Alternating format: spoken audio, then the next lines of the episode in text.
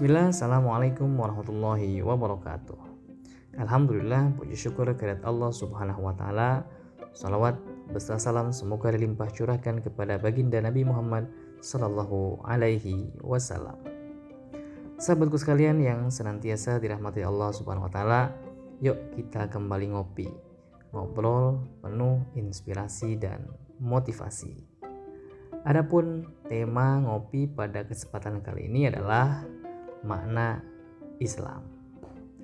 Seperti kita ketahui bahwa Islam itu berasal dari bahasa Arab. Secara bahasa, al-Islam berasal dari akar kata salima yang artinya selamat.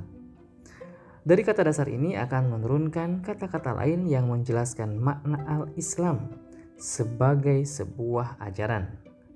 Nah, berikut adalah kata-kata lain yang merupakan akar dari kata salima.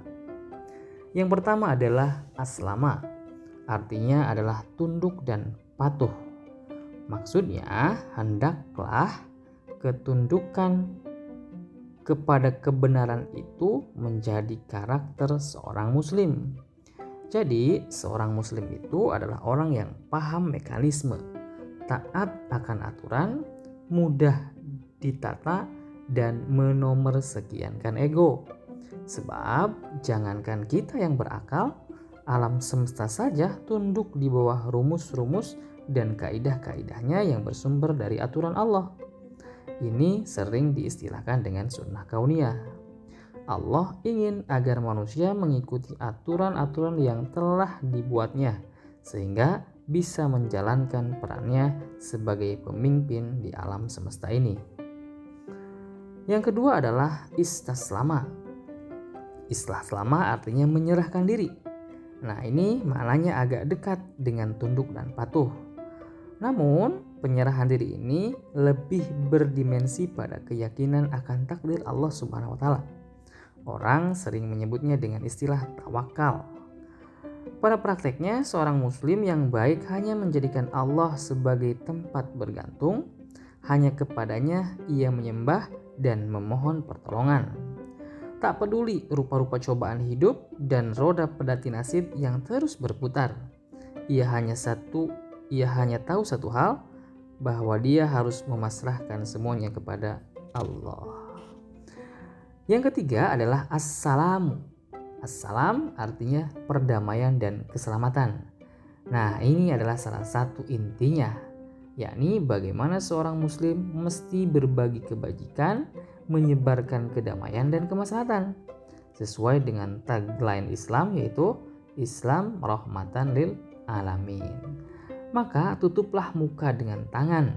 Kalau kita mengaku muslim tapi lidah kita menyakiti, tangan kita memukul, dan kehadiran kehadiran kita justru menebar ancaman. Itulah sebabnya Rasulullah bersabda, seorang muslim adalah seorang yang orang lain selamat atau tidak tersakiti oleh lisan dan tangannya. Hadis riwayat Al-Bukhari. Dan yang keempat, as-salim. As-salim artinya bersih. Islam sebagai agama yang salim artinya agama yang mengajarkan kebersihan lahir dan batin, jasmani dan rohani. Kebersihan lahir diwujudkan dengan cinta pada kesucian, bersih diri dan lingkungan. Jadi, kalau mengaku muslim tapi jorok itu memalukan.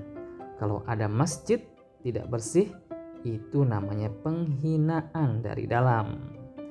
Sedangkan kebersihan batin diwujudkan dengan menghindari kesyirikan, ria dan maksiat hati lainnya serta memurnikan penghambaan hanya kepada Allah Subhanahu wa taala. Cara efektif menjaganya adalah dengan sering bertaubat. Nah, lihatlah bagaimana Al-Qur'an menggambarkan keduanya dalam suatu pernyataan yang menunjukkan sifat orang yang mencintai kebersihan lahir maupun batin. Innallaha yuhibbut tawwabina wa yuhibbul mutatahhirin.